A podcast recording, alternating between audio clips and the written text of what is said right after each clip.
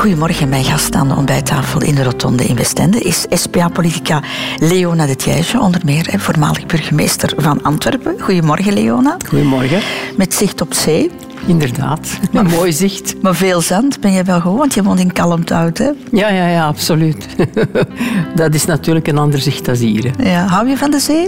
Ja, ik vind het fantastisch zo dat je die zee regelmatig uh, ziet aanrollen en, en dat zicht, dat is... Uh, ik hou ervan, ja. Ja, en de verandering van kleur is ook wel fantastisch. Gisteravond was die een beetje dus, minder. Hè, dus van het moment dat het stormachtig is of, of regenachtig en dan zanderdags die mooie zon wel. Mm. Dat is tof. Welkom in Westende, Leona.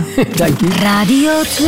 De Rotonde met Christel van Dijk. Leona de Thijsje, ik zou graag met jou de afslagen van jouw leven eens nader bekijken en de keuzes die jij in je leven gemaakt hebt.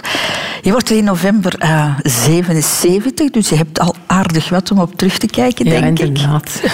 Doe je dat graag? Ja, ja dat, is, uh, dat is geen probleem. Ja, dus dat doe ik wel eens uh, met mijn kameraden. als we elkaar terugzien na zoveel jaar afgestudeerd enzovoort, dan kijken we wel terug. En ook met de kleinkinderen die vragen stellen. Ja, vertel je graag over ja, ja, ja, ze, vragen, ze, ze zijn op een leeftijd dat ze beginnen vragen te stellen. Hoe was dat toen en wat deed je dan enzovoort. Dus dat interesseert hen wel, ja. En denk je dan vroeger was het beter? Ja, ik heb plezierige periodes gehad en moeilijkere periodes. Dus uh, zeggen van het was beter, het was anders. Dus een, een soort van heimwee naar wat geweest is, Leone, dat, uh, dat ken nee, jij niet Je moet vooruit. Hè. Je moet altijd, allee, ja? dat is mijn, ja, ja, ik vind dat je steeds vooruit moet. Ja. Met wat voor algemeen gevoel kijk jij terug, uh, Leona, op, op de dingen die gebeurd zijn op, op jouw hele leven? Wel, ik denk dat ik eigenlijk eh, tevreden mag zijn over wat er allemaal gebeurd is. Er zijn misschien dingen die ik anders zou gedaan hebben, of die in een heel andere richting zouden kunnen uitgaan. Zoals? Maar, uh, bijvoorbeeld als ik uh, voor de keuze van mijn studies in plaats van uh, naar handelswetenschappen en handels- en financiële wetenschappen, als ik daar uh, bijvoorbeeld farmacie had genomen, zoals ik even van plan was. En zoals jouw dan, dochter. En zoals mijn dochter dan uiteindelijk gedaan heeft, ja, dan gaat je een heel andere richting in. Het kan ook eindigen op hetzelfde, hè, want zij is uiteindelijk ook in, in de politiek terechtgekomen. Maar toch, dan, dan uh, is de kans groot dat je op een andere manier gaat, uh, of dat je iets anders meemaakt. Mm -hmm. Ook uh, om mee te doen aan een staatsexamen op een bepaald ogenblik in plaats van aan de privésector. Dat was toen rationeel, omdat je als vrouw evenveel ver, uh, verdiende in, op de, in de overheidsdienst als, uh, als een man. Maar dat niet het geval was in de, in de privésector. Dus ja. daar heb ik dan uh, die keuze gemaakt. Ja, dat kan ook anders lopen natuurlijk. Hè. Je bent een bekend persoon, Leona, dus je hebt een Wikipedia-pagina, zoals alle, alle BV's. Wist je dat niet? Ja, ik kijk er nooit niet nee? naar. Ah, wel, we gaan er eens even, even naar kijken, of toch een stukje van dit staat er onder meer op te lezen. Leona Maria de Thiège, Antwerpen 26 november 1942, is een voormalig Belgisch politica voor de BSP, de SP en later de SPA. Dat is heel kort. Dat is uh, droge informatie, zegt heel weinig over jou als persoon. Jouw jeugdjaren bijvoorbeeld, daar komen we niks over te weten. Maar Han Koeken heeft zich uh, is opnieuw over jouw Wikipedia-pagina gebogen. Leona de Thiège is geboren te Antwerpen op 26 november 1942 in het gezin van voormalig socialistisch politicus Frans de Thiège.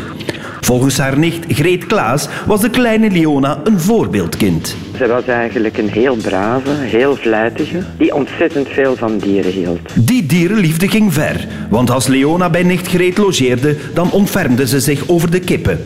En daar ging ze helemaal in op, lacht Greet. Mijn herinnering die me altijd is bijgebleven, is dat zij mij s'morgens heel vroeg wakker maakte, ik denk vijf uur s morgens, om uh, pieren te gaan vangen. Leona was dol op alles met pluimen.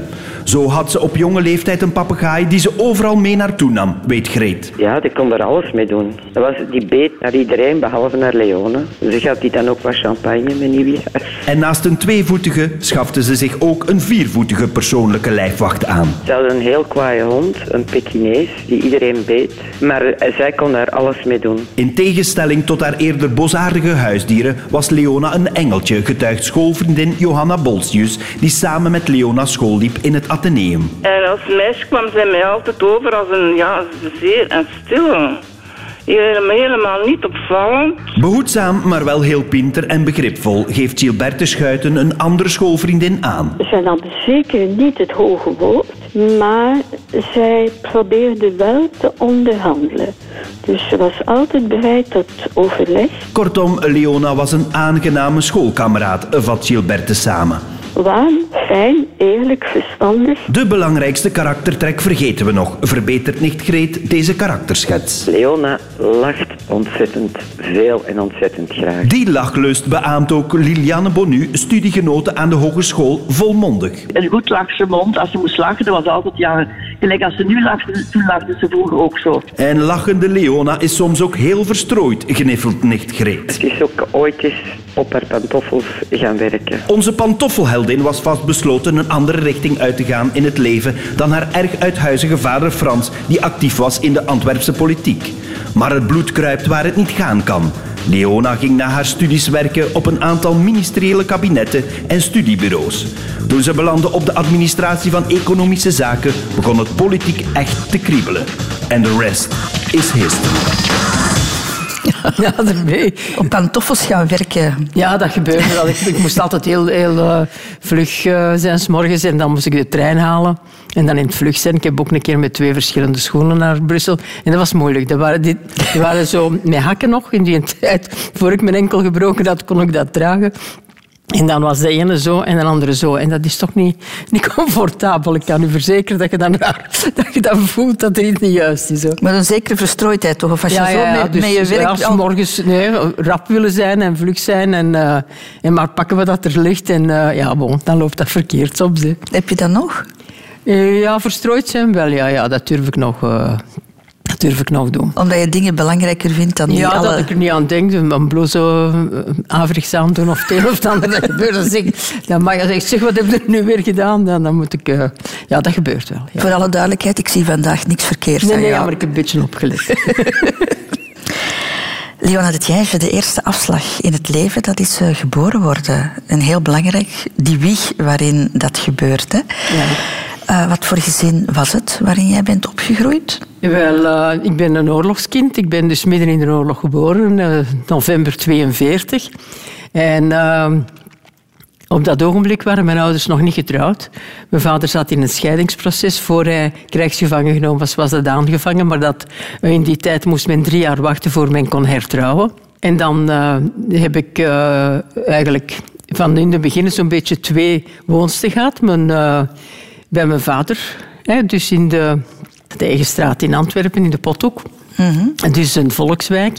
En dan uh, mijn moeder uh, was ondertussen naar uh, Luchtbal verhuisd, waar we dan later naartoe getrokken zijn. Het feit dat jouw ouders niet getrouwd waren, zegt dat ook iets over het nest waarin dat jij bent grootgebracht? Dat jouw ouders toch meer vrijere ideeën Zij hadden? waren, ja, inderdaad. Ik heb dat ook later ondervonden als ik vergeleek met andere gezinnen. Ja, want dingen die ik heel normaal vond en die wij thuis heel normaal vonden, ja, dat was dan blijkbaar op, op andere plaatsen absoluut niet normaal. Zoals? Wel bijvoorbeeld uh, de wijze hoe dat men stond tegenover het feit dat mijn zuster jong gehuwd was, uh, dat ik een, een, een, kind had zonder te huwen enzovoort. Dat uh, zijn toch gevolgen die daar mee spelen. Ja, het feit dat jij, je haalt het al even aan, een, een alleenstaande moeder was, lag dat... Was dat ook nog een beetje een gevolg? Of, of... Wel, uh, het feit dat dus uh, die, die omstandigheden bij mijn geboorte heeft gemaakt dat ik, uh, als ik zo in de lagere school zat, dan, ja, dan waren er wel schoolkinderen die zeiden, ja, maar is dat wel uw vader enzovoort? Je kent dat dus al, de, de rollen die kinderen tegenover elkaar van dingen die ze horen bij hun ouders. En dan ben ik gaan zoeken in de papieren en de paparassen, heeft mijn vader heel de uitleg gedaan omdat hij zag dat ik overal lag te snuffelen. En dan ben ik mij ook gaan interesseren in die wetgeving. En dat heeft bijvoorbeeld ook later in mijn politieke loopbaan een rol gespeeld. Ah ja, want jij ik ben dus, uh, dus uh, heel de tijd bezig geweest met de aanpassing van de wetgeving voor de natuurlijke kinderen enzovoort. Dat heeft daar ook mee gespeeld. Mm-hmm. Jij moest ook naar een... Van jouw ouders vonden het belangrijk dat jij naar een gemengde school ja, ging? Absoluut, ja. Want je, je woonde in Antwerpen, maar je bent naar Capelle, naar het Atheneum gegaan? Ja, ik woonde ten noorden van Antwerpen en er waren dus twee redenen eigenlijk voor om naar het lyceum te gaan, want dat was toen nog lyceum voor de meisjes en ateneum voor de jongens. Dan moest ik twee trams nemen. Tot aan de Rooseveltplaats en dan een tweede tot uh, aan de Mechelse Steenweg. Terwijl naar Capelle was één tram, mm. gaande van Luchtbal of van de stad tot, aan de, tot in Putten. En daar uh, konden wij vlak aan de school uh, uitstappen.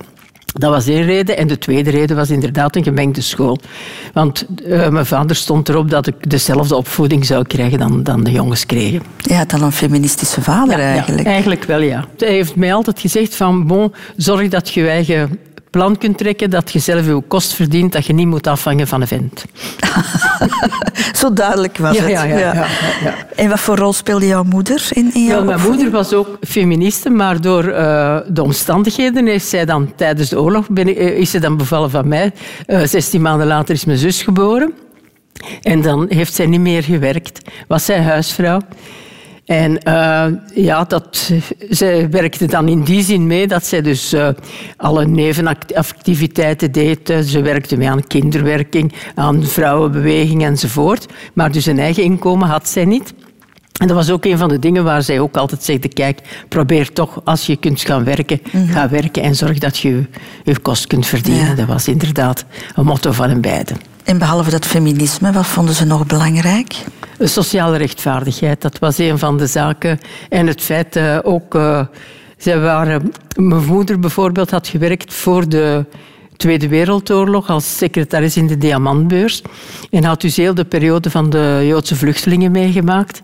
En ze was dus daar ook heel gevoelig voor uh, dat men uh, niet racist was of uh, geen vreemdelingen had. Dat, dat lag bij haar heel gevoelig op. Je hebt al een paar keer het woord oorlog in, in de mond genomen. Ja, ik ben nu helemaal geboren tijdens ja, de oorlog. Maar heeft die oorlog ook een stempel gedrukt op, op, op jouw jeugdjaren?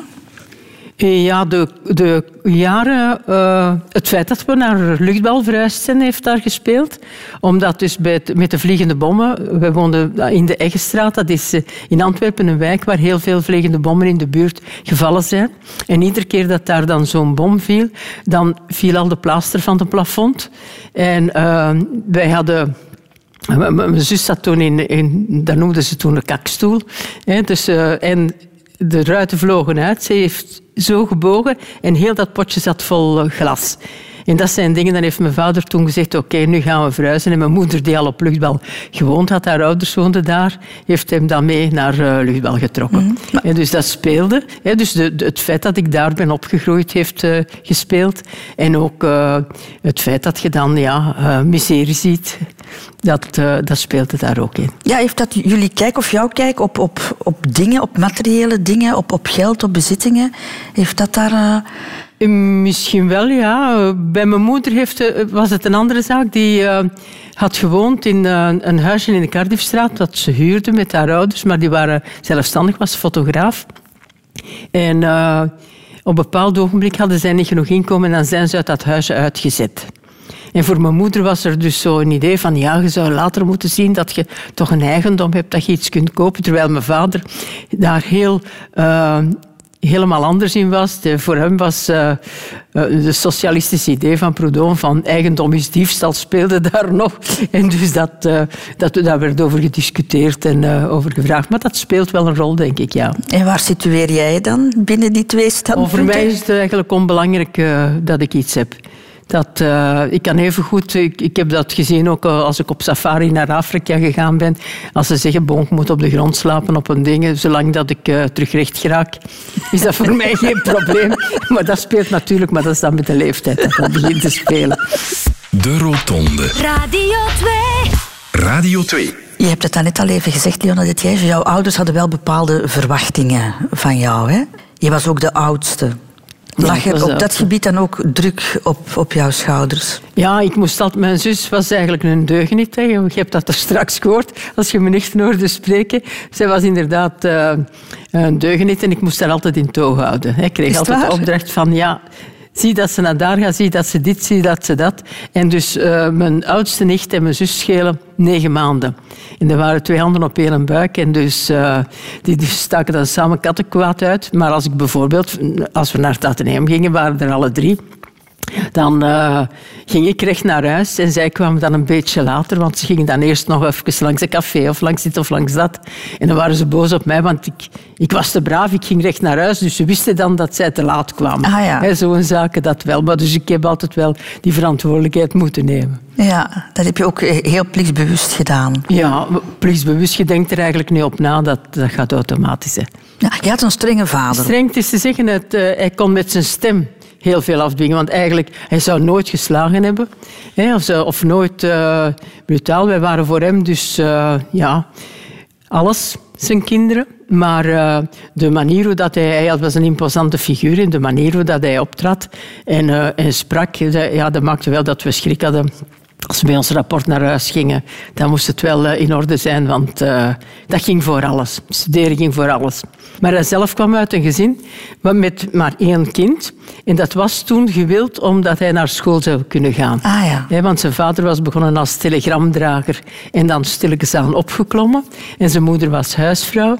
Maar zij hadden dus alles over gehad om, om ze, hun kind te laten studeren. Wat toen voor een arbeidersgezin nog niet zo simpel was. En voor hem was dat ook iets dat, dat op voorplan kwam. En jij, hebt hem, of jij bent hem daar heel mooi in gevolgd. Je hebt je nooit afgezet of eh, je bent nooit rebels geweest. Eh, Niet echt, niet echt dus ik, eh, ik heb dat maar op latere leeftijd gekregen.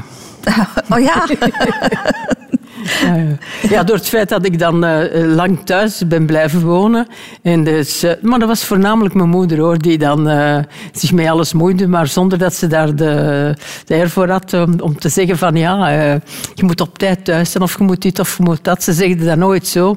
Maar ergens bleef er dan die druk natuurlijk, wat ik denk altijd normaal is als je als, ja, als volwassene nog bij, bij je ouders binnenwoont, dan moet je zich Ja. toch met alles. hè. En dat heb je moeten afzetten.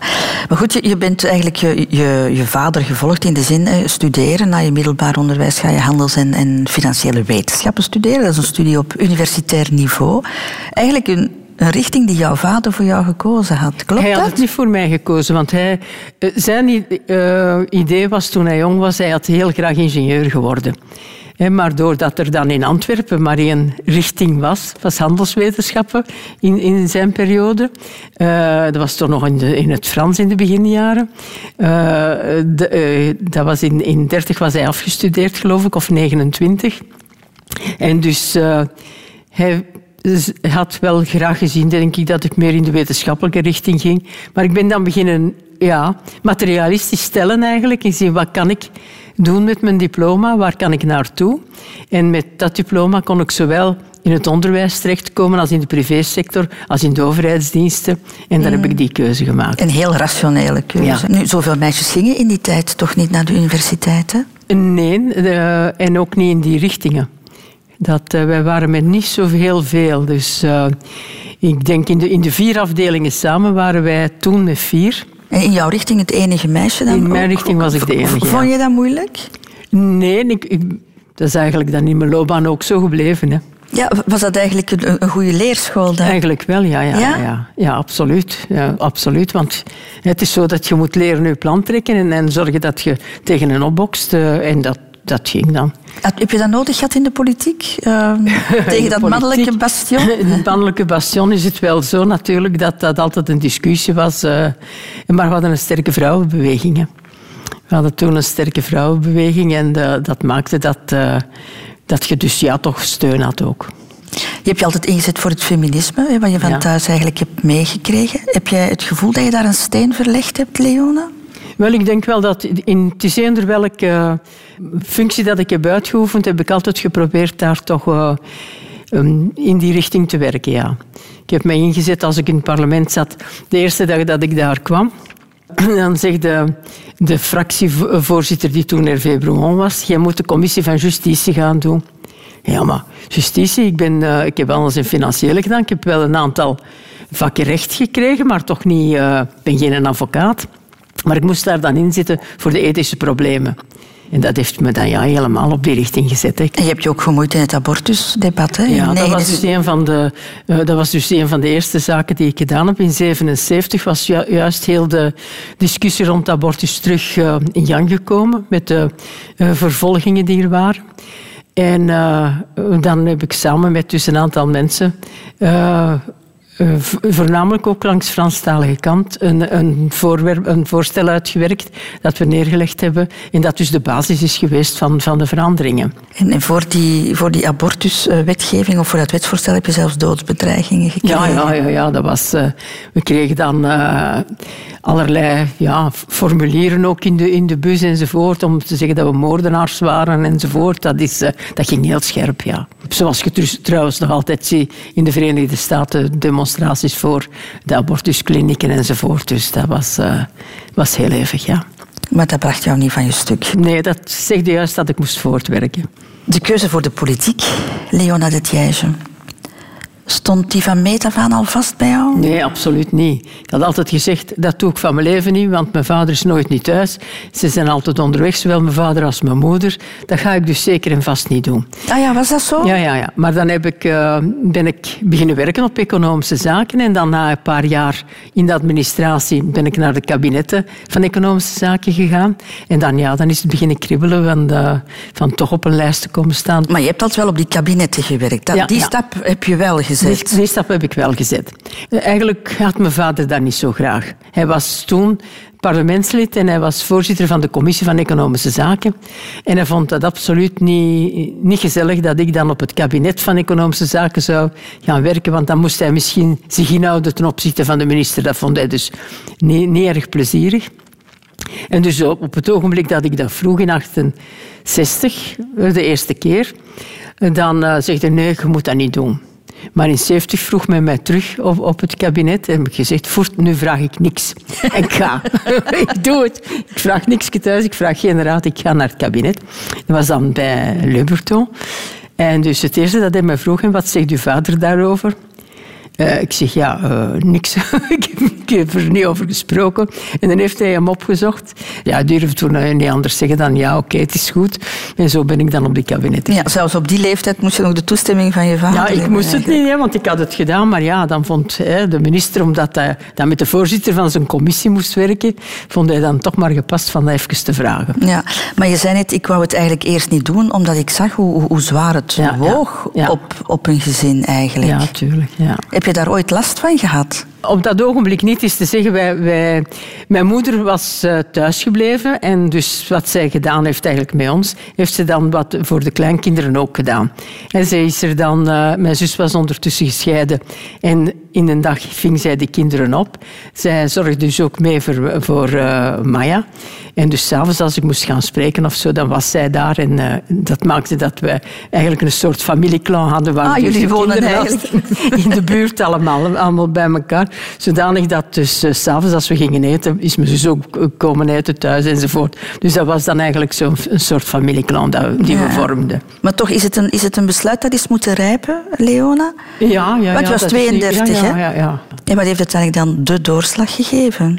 Wel, het feit dat ik zag dat als je bijvoorbeeld op een kabinet werkte en, eh, en dat je eh, dus de uitvoerende macht, dat je dan dingen kon doen en veranderen. Terwijl als je daar op een studiedienst werkte, dat je ja, een voorstel kon doen, maar er bleef het dan bij. Hè.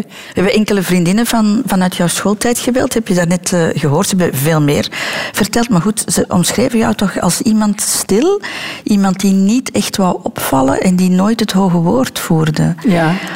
Ik zie dat niet meteen als eigenschappen voor een politicus, Leona. Nee, dat is ook stilletjes aan veranderd. Ik ben altijd, eh, men heeft mij altijd gezegd dat ik te braaf was, ook in de politiek.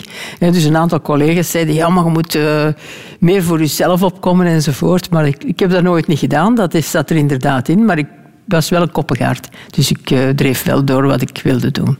Maar vond je het soms moeilijk om jezelf te, te profileren?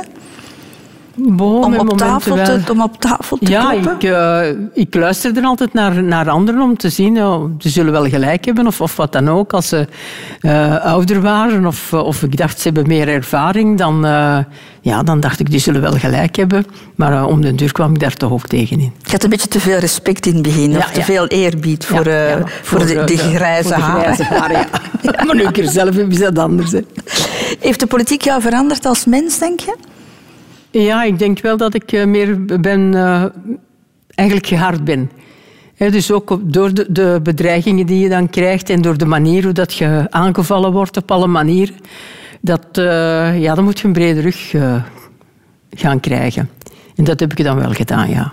En emoties binnenhouden. Ja, te veel misschien, want dat heb ik dan ook... ja, ja, dat wel. Dus niet laten zien wat je eigenlijk voelde. Maar is het ook omdat je, als, om- omdat je een vrouw was, eh, Leone? Dat speelde ook een rol, want eh, de kritiek was dan dikwijls als ik gekozen was voor de eerste keer. Ja, natuurlijk, het is, ofwel het is een vrouw, ofwel het is de dochter van haar vader, enzovoort. Dat speelde daar altijd een rol in. Maar ik ben nog gekozen in de periode dat er binnen de partij bij ons een poll was. Dus dat de leden mee eh, de rangorde van de verkiezingslijst bepaalden. En ik kwam daar altijd heel goed uit. Dus daar was ik, voor mezelf was ik daar dan gerust in. Mocht je opnieuw kiezen, zou je opnieuw die stap zetten? Ja, ik heb er soms aan getwijfeld en gezegd van bon, als ik nu dat of dat had gedaan, maar ik heb er zo eens een gesprek over gehad op een bepaald moment dat ik twijfelde en dat ik zei, bon ja, als ik maar niet in de politiek gegaan.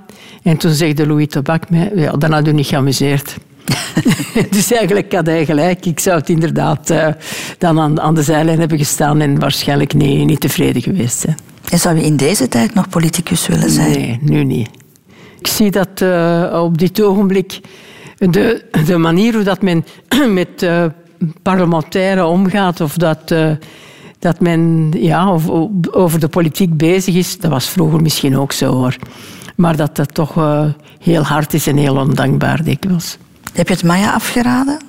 Ik heb het daar niet gevraagd. Ik heb bij ook niet gezegd van jij moet dat doen of jij zult dit dan doen of dat doen.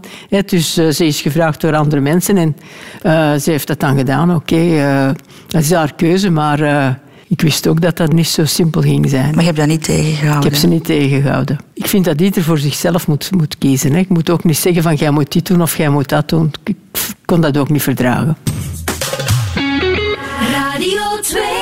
Zullen we het nu eens over een iets luchtigere keuze hebben? ja, We hebben al over de politiek gehad, het feminisme. Uh, jouw keuze om mee te doen aan Stanley's route. Ah, uh... Ja, jij gaat met een aantal andere bekende mensen naar Congo. Je wordt daar gedropt om de route te volgen die Stanley ook daar gemaakt heeft. Ja. Waarom heb jij daar in godsnaam ja op gezegd? Wel, dat was juist nadat ik burgemeester geweest ben. Ik was toen 63 jaar. En ik kreeg telefoon van, ja, zou je dat niet mee willen doen aan dat... Uh, ja, maar ik ben 63 jaar, uh, er uh, zo wandelingen gaan maken er in, in Afrika. Dat is toch niet, niet zo eenvoudig. oh, maar dat is geen probleem, want tante Terry doet ook mee en die deed mee. En die... ja, tante Terry? Ze heeft niet meegedaan. Oh, dat dacht ik zo. maar dat was dus de uitleg die ik kreeg. En ik allee, bon, ja, als die dat kunnen, ja, dan zal dat toch niet zo zwaar zijn. Dan zal ik maar meedoen. Maar dan, bon, dan eh, had ik uh, contract gegeven. Ik bekeek dat contract en daar stond dan in dat, uh, dat ik eigenlijk zelf verantwoordelijk was voor als er iets moest speciaal gebeuren enzovoort. En dan dacht ik, potverdorie, uh, ik zal misschien toch een testament of zo moeten opstellen, want dat is zoiets eigenaardig. Maar alleen, bon, ik ging dan naar de vlieghaven en wie zag ik daar? Ja, buiten mezelf, Flor Konings, die, uh, uh, die ik toen ook kende van het parlement. En die ja, toch al een pak jonger was dan ik. Maar dat was de tweede oudste. En de rest waren dan allemaal zo gasten of meisjes van in de dertig. En dan dacht ik, ja, allee, wat, wat, moet ik daar gaan doen? Dat gaat toch niet gaan? En dan, uh, oké, okay, bon, maar ik moest dan mee. Hè. Dat was dan wel een, een toffe groep, moet ik zeggen. Dat was uh, een, hele, een heel toffe ervaring. Maar, maar wel vermoeiend natuurlijk. Hè. Ja, op bepaald moment is het bijna fout gegaan toch ook? Ja, ja is te zeggen. daar, Dus, uh, ja, ik, ik, ik wilde alles op mijn gemak doen. En dan op een bepaald ogenblik zei ze... Ja, maar kijk, uh, wij gaan voort, voort, voort. Maar die hadden dan... Als ik naast Hilde de Baardenmaker sta... Die heeft zo van die lange benen. En ik met mijn korte beentjes... kon ik die niet altijd volgen. En dan, uh, dan was dat wel soms, soms wel zwaar. En dat, dat ik wilde, wilde stoppen en, en pauze nemen. En dat zij toch voortgingen. Ja, je bent bepaald moment bevangen door die En dan hitte, heb ik gezegd, ja, ik, ik ga zitten en ik beweeg niet meer. Ja, dan kwamen ze mij trouwens uh, terughalen. Hè. Uh, Philip Meerhagen bijvoorbeeld is toen nog mee, mee teruggekomen om te zeggen, hey, waar zit je? Enzovoort. Allee, ja, dan, uh, achteraf weet ik dan wat dat, het gebrek was. Het is hetgeen dat ik nu ondervonden heb met mijn hart. Maar ja, op die ogenblik weet je dat niet. Hè. Maar je hebt dan wel leren bepaalde zaken appreciëren. Hè. Dus we hadden te weinig eten bij voor dus, die, die maand die we moesten overbruggen. En uh, op bepaalde dagen dan was, bestond ons rantsoen uit, uh, uit acht rozijnen. op een dag. Ik kan u verzekeren, dan, uh, dan zie je wel uit waar dat er eten is hoor. Want Ja. We waren dan in een van die stammen en dan moesten we, moest er een koe geslacht worden. Ja, ter ere van, van dus de gasten die er waren bij de Maasai. En eh, dan, werd, dat moest dan direct opgegeten worden. En dan werden de mannen apart gezet en de vrouwen apart gezet. En de vrouwen kregen een overschot. Dus dan kwam mijn feminisme weer terug naar boven. Dat ik dacht, potverdorie. Dus eh, wij kregen dus de restjes. Hè. Maar ik had dan geluk, want Brigitte Callens, die, die, eet- die geen vlees. ik zei, ja, hoe moet ik dat nu doen? Ik zei, heel, heel op- opofferend gezegd, geef dat maar aan mij, ik zal die wel opeten. Dus, eh, en zo hebben wij dat dan wel overbrugd natuurlijk. Hè. Maar ik, ik, ik stel die vraag, eh, Leona, omdat ik mij wel afvraag... In, in hoeverre ben jij, als jij zo'n keuze maakt... bezig met, ehm, met jouw imago en wat, wat, wat daarover gaat gezegd worden? Hè? Want je zit Ja. daar in een groep, je stelt je kwetsbaar op... je ziet er niet op, op je best uit Nee, in, in, in zo'n programma. In hoeverre denk jij daarover na? Niet eigenlijk, want eh, ik, ik heb dat dan wel gezien. Er, waren dus, er was een van de, van de vrouwen in, in, die, in die groep die na de, de eerste dag al gezegd heeft, dat gaat niet voor mij. Die, die keek of dat haar nageltjes goed gelakt waren en of dat ze eh, ja, mooi verzorgd was en zo. Maar dat konden daar natuurlijk niet. En dan in dat stof van die dingen, dat rood stof, werd het altijd vuil en vies. En dus ja, die, die heeft direct moeten afhaken. Maar dat kon mij eigenlijk weinig schelen. Dus eh, dat, dat was dan wel het positieve. Daar trok ik me niks van aan. Is dat iets waar jij nooit bezig eh, mee bent? uiterlijk weinig, met, heel met, weinig. met jouw imago? Weinig, heel weinig. Te weinig. Ik heb dat dikwijls naar mijn voeten gekregen. Later, als ik minister was, van mijn persmedewerker. Die vond dat ik eh, eigenlijk daar veel te weinig mee bezig was. In welke zin? Dat, eh, ja, dus, eh, dat ik meer moest zorgen dat ik eh modieus gekleed was. Of dat ik uh, bottekens die ik in de winter aandeed, dat ik die niet meer zou mogen dragen. Hij heeft trouwens op een bepaald moment zo'n complot met, met mijn dochter ge- afgesloten voor uh, bottekens die ik heel graag droeg, voor die te gaan begraven in de hof. Ik heb dat nooit geweten, maar ik heb ze nooit teruggevonden. Het is maar jaren nadien dat, dat ze dat gezegd hebben. Zo'n dingen wel, ja. Dat, daar trok ik me heel weinig van aan. 2003, Leona de Thijge. Ik ga het even kort samenvatten. In februari 2003, de politie krijgt een anonieme klacht van misbruik van kredietkaarten bij de lokale politie. Er wordt een onderzoek ingesteld en dat, uh, dat, ja, dat uh, deint al heel snel uit naar het stadhuis, het zogenaamde visa-schandaal, misbruik van, van visa. Het schandaal dat ook geleid heeft tot, tot, tot jouw ontslag. Hoe snel wist je dat jouw kop ook zou vallen? Oh, dat heeft, dat heeft tamelijk lang geduurd. Allee, lang. Door het feit dat je, ja, er moeten verantwoordelijkheden genomen worden. En uh, we hadden dan een aantal nummertjes gezien, ook daarvoor reeds bij de vorming van dat college, dat er dus uh, ja, veel gegadigden waren om, om burgemeester te worden. En uh, dat speelde daar ook in mee. Hè, want dus, er was mij niks te verwijten en, en dat is dus ook van in het begin gezegd geworden. Maar er moest dus eigenlijk ja, koppen vallen. En dan heb ik uh, op een bepaald ogenblik uh, heeft men gezegd: oké, uh, de liberalen hebben allemaal hun ontslag genomen. Ze zijn allemaal teruggekomen, behalve één. Dus wat, ons betreft hetzelfde, de SPA betreft hetzelfde. Uh, maar, uh, en dan ook wat de politie betreft hebben wij een vervanging moeten doen mm-hmm. van de hoofdcommissaris toen, Luc Lamin, waar achteraf ook gebleken is dat dat allemaal uh, ja, op, Ja, het is los, allemaal voor de rechtbank gekomen. ja. Ja, maar dus normaal had ik kunnen blijven zitten en kunnen zeggen van oké, okay, ik ben burgemeester, ik ben benoemd, er is mij niks te verwijten, ik blijf. Maar om tegen uw eigen mensen in te gaan op een bepaald ogenblik, ja, dan uh, zit het soms tot daar. En dat heb ik gezegd, oké, nee.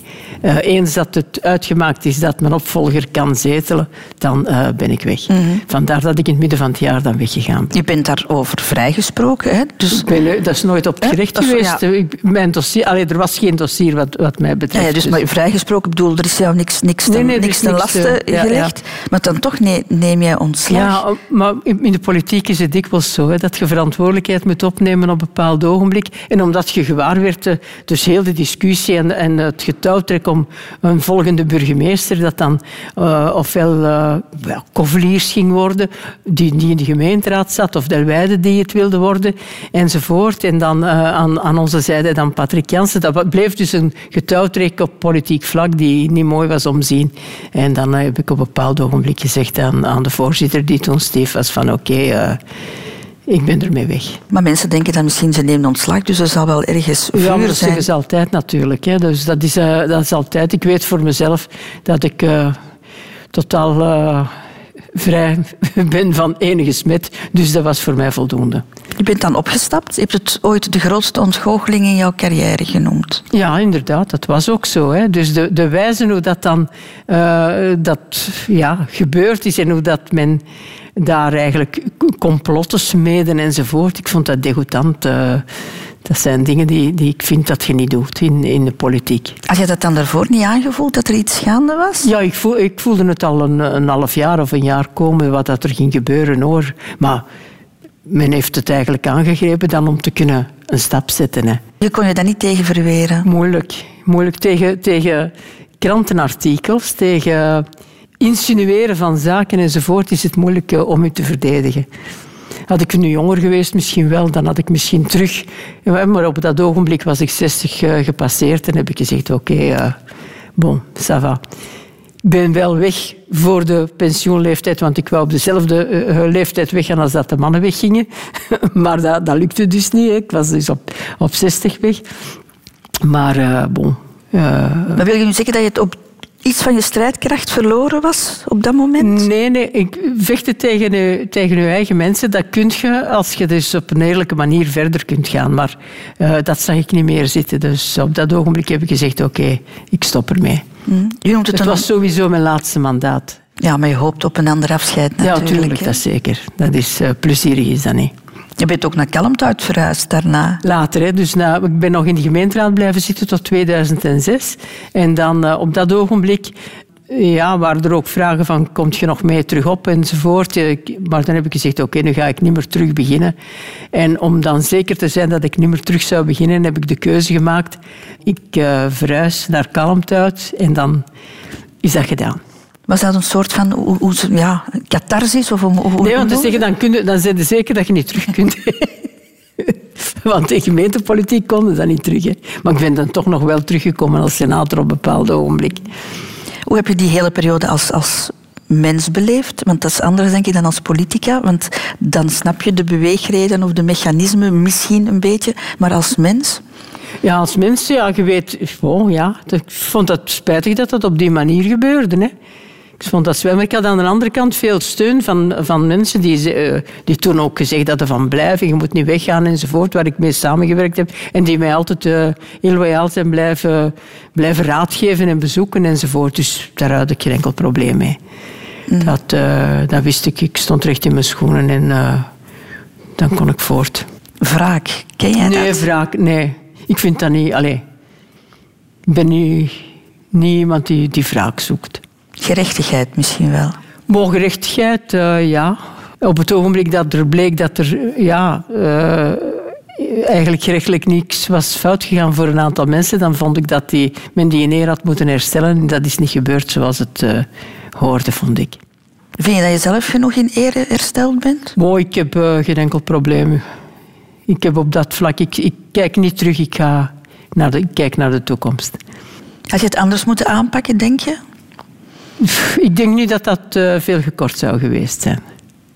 Ik denk dat dat op dat ogenblik uh, eigenlijk tegen windmolens vechten was. Heeft die periode jou veranderd? Niet dat ik weet, misschien. Maar dan, dan moet je dan aan, aan de rest van mijn familie vragen. Want, uh, maar ik, ik denk het niet, nee. Dat voel je toch zelf? Ja, Als iets maar, jou heel erg raakt, dat je daar als mens door, ja, door verandert. Ik zeg, ik heb in het verleden had ik nog dingen die, die mij raakten, maar bon, ik ben er altijd over, doorgeraakt en overgeraakt. Word je daar nog veel over aangesproken? Met momenten zoals dit. ja, sorry hè. Sorry hè. Met momenten zoals dit. Hè. Of interviews of wat dan ook dan wel, maar anders niet. Nee. Hoe zou je herinnerd willen worden als politica? Nou, als iemand die eh, als feministe gedaan heeft wat ze kon en die dus ook als ze taken uitvoerde, dat deed op de manier hoe dat ze het kon en dat eh, probeerde goed te doen met alle inzet.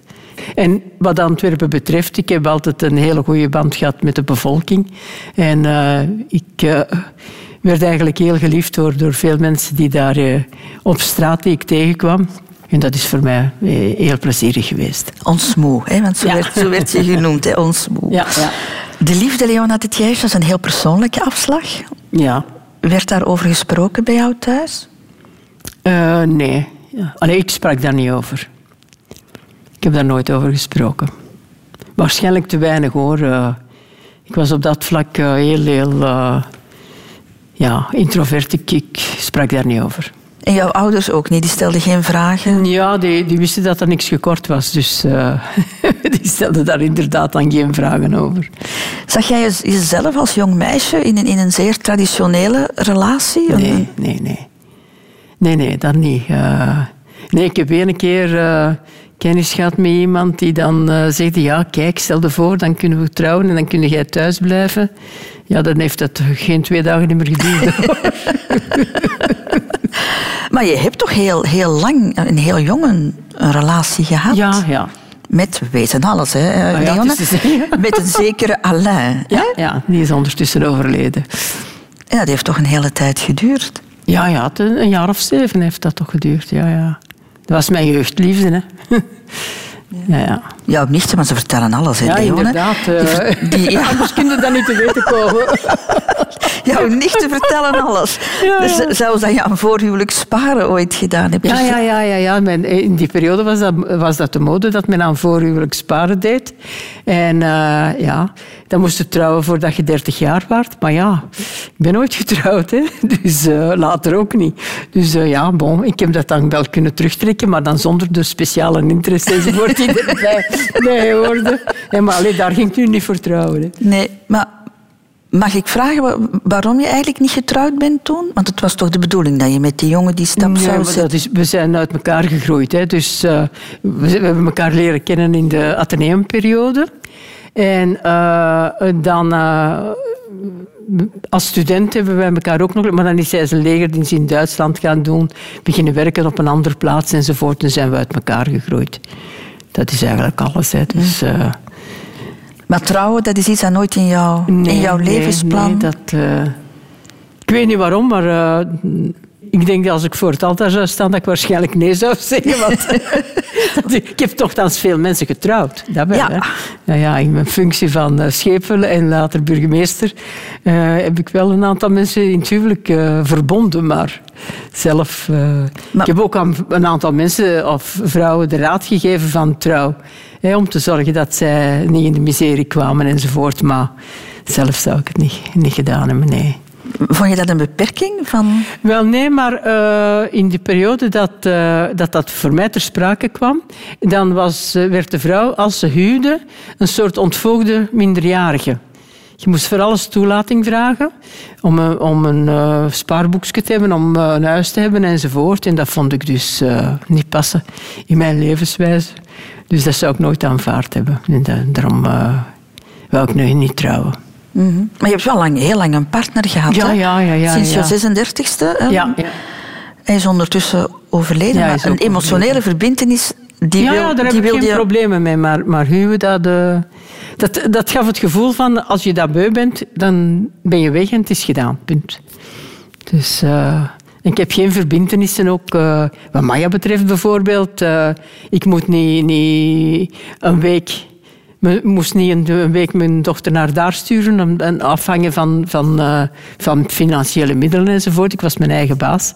En ik Mhm. deed op dat vlak wat ik wilde. Ja. Maar je hebt ook je bent heel lang apart blijven wonen, hè? Met, met, met Willy, jouw ja, ja, partner. ja, ja, ja, want hij was actief in, in het Mechelsen. Ik was actief in, in Antwerpen. En ja, we zagen elkaar heel veel, maar eh, we bleven nog, nog heel lang... eh, ja, zo van het een het andere crossen. hè. Totdat dan op een bepaald ogenblik, als ik eh, burgemeester geworden ben, dan is hij, naar, dan is hij in Kalmthout gaan wonen. Dus eh, in dat huis. En toen, toen ik dan mij liet, eh, eh, overgegaan ben naar, naar Kalmthout.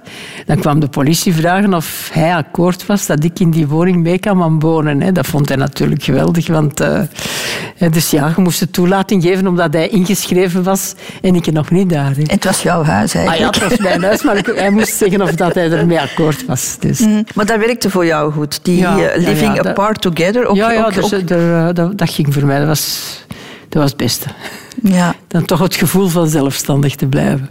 En waarom heb je dan toch de stap gezet om, om dat onder één dak te gaan leven? Ja, dat, eh, hij was op pensioen en ik was op pensioen. Dus eh, dat, ja, dan hebben we dat maar gedaan. Hè. Dus eh, waarom niet? Hè? Dat, dat- daar, daar heb ik geen enkel probleem mee. Het is gewoon de kwestie van zelfstandig willen blijven. Ik heb ook nooit geen samenlevingscontract of iets gehad. Hè. Dus we zijn altijd volledig financieel afzonderlijk gebleven. En dat zou je opnieuw doen, Ja, Leona. ja. Ja, ja, dat zou ik opnieuw doen. Maar dat ging natuurlijk omdat zowel hij eh, zich financieel volledig kon eh, bedruipen en ik zelf ook. Dus eh, op dat vlak was er geen enkel probleem. Hè. Anders was dat misschien anders geweest, maar... En je had een man dat daar begrip voor had, want die Ja, mannen ja, ja, uit die hij periode... die, ook- nee, nee, hij was op dat vlak ook geëmancipeerd. Radio 2. De Rotonde. Je hebt de keuze voor kinderen gemaakt, Leona de Diège, of toch, toch voor, voor één kind, hè, voor, voor een dochter op, op je 25ste.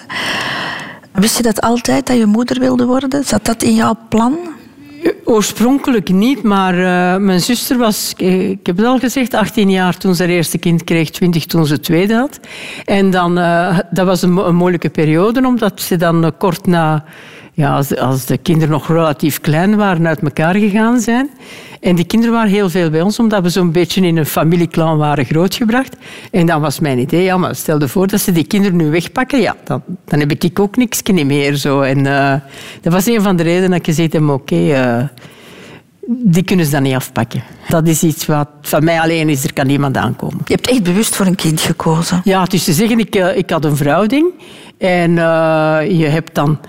Ja, je kunt op dat ogenblik konden kiezen. Kon er iets, een zwangerschapsonderbreking doen, moest er iets gebeuren enzovoort. En ik heb dus gezegd, nee, nee, ik wil eh, dat kind en ik, ik zal ervoor zorgen. Heb je er ook bewust voor gekozen om dat alleen te doen? Ja, ja. Misschien zou ik dat anders doen nu. Hè, want je kunt dan zeggen, eh, mijn collega's van mij die zeggen, jammer, je bent egoïst, want als er met u iets gebeurt, wat dan enzovoort. Maar ja, bon, er zijn veel alleenstaande moeders. Hè, dus, eh, dat Dus de papa is niet in het vizier gekomen Nee. tijdens, eh, tijdens de opvoeding. Is dat niet eenzaam, Leona? Ik had mijn familie. Voor mij was dat niet, geen probleem. En ik had mijn, mijn werk. Dus ik was continu bezig. Hè. En het werd ook door jouw ouders aanvaard. Dat is Ja, ook wel ja, ja, ja, een hele steun, denk ik. Want als je daar nog eens een tegenkanting... Nee, nee als je daar, dan, dan moet het heel erg zijn. Hè. Maar op dat vlak eh, was er geen enkel probleem. De veroordelingen kwamen misschien van andere kanten. Ja, dat wel. Maar daar, eh, daar trok ik me dan niks van aan. Nee? nee. Eh, ik heb een paar keren conflicten gehad eh, in het parlement. Dat men eh, over heel de discussie met alleenstaande moeders enzovoort. En dus op een bepaald moment zelfs in, op televisie met een, een van de Vlaams Belang verkozenen.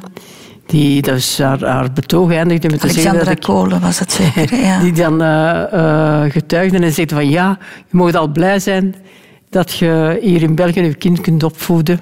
En dan, ja, dan, eh, dan, dan schiet ik wel in, eh, in een kwaaie kramp. Dan word ik boos. Heb je daar ooit moeten, behalve dan, ten opzichte van andere mensen, ook nog moeten voor... eh, Dat was meestal achter, achter de rug dat ze zoiets zeggen. En in het gezicht zeggen ze daar niet veel over.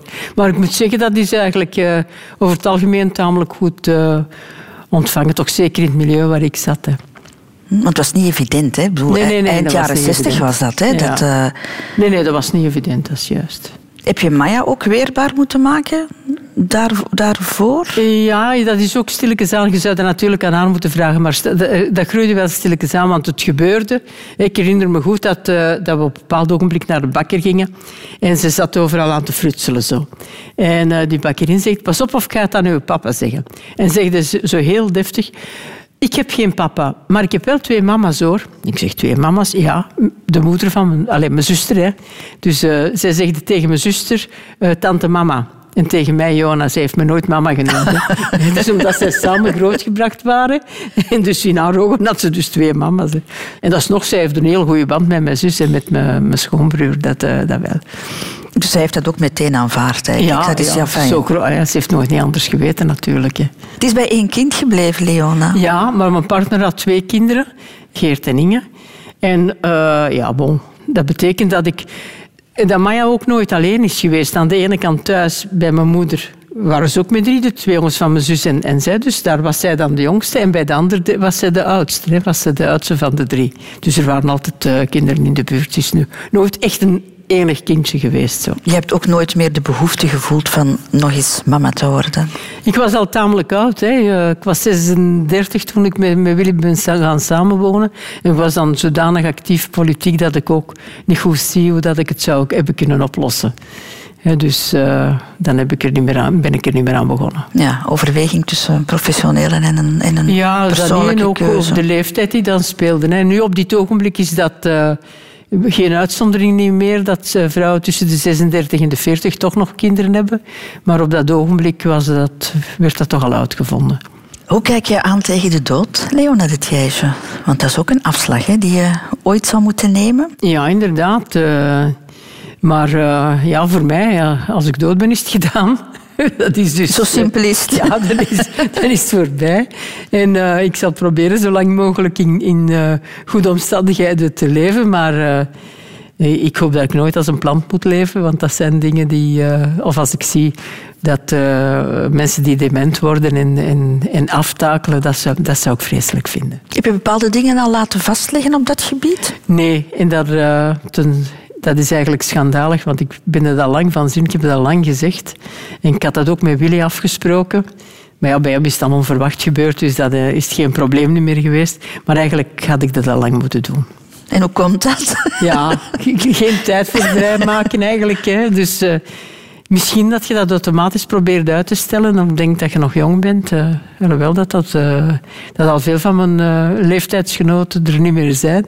Dus ik moet wel daar toch serieus werk van gaan maken. Maar fijn, het toont wel aan dat je er nog niet mee bezig bent. Niet echt. Nee, niet echt. Maar ja, Alhoewel dat ik al, al veel heb meegemaakt. Hè. Als, ik, als ik rondkijk van, van mijn vrienden die ik gehad heb, hè, die, zijn er al verschillende die weg zijn. Ook afscheid dat moeten nemen van jouw ouders. Jouw vader was 70. 70, ja. En mijn En moeder 79. Allebei op 1 november. eh, Alle twee op 1 Met november. 11 jaar er, Ja. ertussen wel natuurlijk. Hè. Allebei vrij onverwachts toch ook, hè? Eh, Ja, dus te zeggen, mijn, mijn vader die was geopereerd en is eigenlijk nooit uit die operatie uitgeraakt, omdat ze, zijn lichaam ook, ja, heeft heel zwaar geleefd, is krijgsgevangen geweest, heeft twee oorlogen meegemaakt, mijn moeder ook. En eh, dat speelt wel, denk ik, in, eh, in, in, in, in- Hij heeft dan ook, eh, ja, als politieker, was ook nooit niet thuis. Alle avonden gaan spreken ergens, blijven, nog, nog, nog een pin blijven pakken, laat thuis, vroeger uit enzovoort. Dus dat speelt wel. Een lichaam dat li- op was, Een lichaam ja. dat, dat, dat leidt daaronder. En ja, mijn moeder, die, die was 79, maar die, daar zegde de dokter ook van dat haar hart helemaal op was. dat zij dus ook ja, uitgeleefd was. Hm, Je had een hele close band hè, met jouw ouders. Ja, je bent tot je 42ste Ja. hè, ben je thuis blijven wonen. Ja. Doen er ook niet veel jou na, hè, Nee, nee. denk ik. Nee, en dat is eh, soms eh, verstikkend. Ja, maar hoe is het dan om van die mensen afscheid te nemen? Dat doet, dat doet geweldig pijn natuurlijk. Dat, eh, dat, blijft, dat blijft altijd in, je, in je lijf zitten. Dat. En maar het is een troost dat de- zowel de kinderen als de, als de kleinkinderen eh, hebben een, eh, gekend. De kleinkinderen van mij nu niet meer, maar dus eh, mijn zus en ik en dan de, eh, onze kinderen. Ja, die, die hebben heel goede herinneringen daaraan. En die hebben een heel goed gekend doordat ze eigenlijk samen allemaal grootgebracht zijn. En dat, eh, dat maakt dat als we bij elkaar zien, dat er nog veel over gesproken wordt. Ze blijven nog wel leven. Zo. Ja, ja. Zes jaar geleden is Willy, is, is jouw partner eh, overleden. Wat een abrupt afscheid is dat, dat, was, geweest, dat, was, dat was inderdaad abrupt. Hè, dus eh, ja, to- toevallig ben ik meegegaan naar het ziekenhuis, want gewoonlijk ging hij alleen. En eh, hij werd dan ja, opgenomen. kanker, Ja, maar dus de- hij was genezen verklaard en dan eh, nu vermoedde de dokter dat hij terug eh, kankergezwellen had. En eh, hij moest dus een biopsie laten doen. Hij ging binnen in de kliniek om dat te laten doen. Er werd, eh, er gezegd, dus een kleine verdoving. eh, het gaat een uurtje duren, dan is het gedaan. Ik ging koffie drinken en ik mocht niet terug binnen. Dus dan wist ik dat er iets verkeerd was. Dan eh, ja, liet men mensen van het mug komen enzovoort. Dus ze hebben nog een uur met hem aan het werken geweest, maar dan kwamen ze zeggen, oké, het, is, het is voorbij, het is gedaan. Hè. En wij hadden nog want hij, je zag dat ook aan zijn gezicht. Hij was dus heel, heel vredig, heel rustig in slaap gevallen. En, eh, maar ja, dan staat het daar eh, in die kliniek en dan zeggen ze, ja, oké, en, en, eh, en nu, waar moet het lichaam naartoe? Ja, ik heb ik, geen... geen begrafenisondernemer onder mijn hand. Hè. Dus ik moet aan de familie verwittigen. Want die, die gaan bellen om te vragen hoe is het met een uitslag en, enzovoort. Dus ja, bon, oké, dan, eh, ja, dan moeten we dan door. Hè. Oh, dat lijkt me echt verschrikkelijk. Ja, dat was eh, wel heel, eh, heel abrupt. Zo, geen woord van afscheid meer. Nee, ja, nee. Gedaan, hè. het was ineens gedaan. En ook heel veel vragen, en denk ik, hè, Ja, ja want je, weet, waarom is het? Wa- Wat is er gebeurd? Hè, iets dat een kleine ingreep moet zijn, ja, blijkt dan fataal te zijn. Bon, ja. Ben je op zoek gegaan naar antwoorden? Wat, Nee, wat? nee. Dat heeft weinig zin. Eh, De, de geneesheer eh, die de opdracht had gegeven voor de biopsie heeft me dan opgebeld en gezegd, kijk, eh, dat zou er gebeurd zijn, moest hij blijven leven zijn enzovoort. En dat heeft mij wel een, een zekere troost gegeven, dat hij dus inderdaad zou aftakelen op relatief korte termijn. En dat, ja... Dat is hem bespaard. dat zou- ja, dat is hem bespaard, want dat zou hij ook niet gewild hebben. Ja, hoe ga je om met verdriet, Leona? Ja, ik probeer dat niet, eh, te verwerken eh, alleen. Maar ik heb er wel hulp mee gehad met, eh, met de kinderen hoor.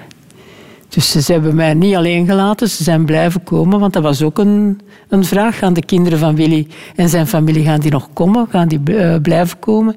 En dat is zo, dat is het geval en dat, dat doet deugd. En de kleinkinderen ook. En de kleinkinderen Jij blijft ook. ons moe. Ik ben een bomma. Ik ben een bomma, ja. Ja. Heb je dat gemis een plaats kunnen geven ondertussen, na die zes Ja, jaar? ja, absoluut, ja. ja. Ik blijf ook eh, kameraden, gemeenschappelijke kameraden zien enzovoort. Dus dat blijft, eh, dat blijft wel, ja. En we praten er nog heel veel over. Vind je dat belangrijk? Ja, ik vind dat heel belangrijk om te kunnen... Dat is een manier om verwerken, denk ik, eh, er heel veel over praten. Maar voor de rest, zoals je in het begin van het gesprek zei, naar de toekomst kijken. Ja, dus ook op dat gebied. En zorgen dat ik er nog ben voor, eh, voor de rest en dat ik kan helpen. Dat doe ik. Wat verwacht je nog van de afslag toekomst, Leona de? Ik hoop dat de komende jaren dat ik die zo gezond mogelijk mag doormaken, zodanig dat ik overal mee naartoe kan gaan met eh, de kinderen of met vrienden. Dat ik nog veel van de wereld kan zien. En dat ik niet moet eh, wegkwijnen in een hokje in het bos van Kalmthout.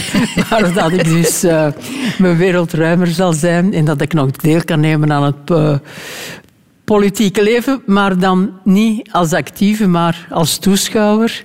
En die toch nu en dan nog iets kan zeggen. En ook wat de kinderen en kleinkinderen betreft, dat ik die kan zien afstuderen. Dat zou een van mijn, mijn grootste plezieren zijn. Dat wegkwijnen, dat zit er volgens mij nog lang niet in. Als ik jou hier florerend eh, voor me zie zitten. Leona ik vond het heel fijn om met jou te ontbijten. Ik heb nog een gastenboek, eh, Leona. Het zou fijn zijn mocht jij er ook iets in schrijven, alsjeblieft. Ja. Christel, ons interview is afgelopen. En jullie zijn erin gelukt om mij te laten spreken over emotionele zaken. Ik was dat niet gewoon. Emoties stak ik steeds weg. De buitenwereld mocht niet zien dat ik gevoelens had. Maar in dit mooie kader, met lieve mensen, die erin lukte vertrouwenspersonen uit mijn jeugd te laten praten, was dit voor mij een heel natuurlijke bezigheid. Ik wens jullie nog heel veel, heel veel succes met dit programma. Veel liefs, Leona.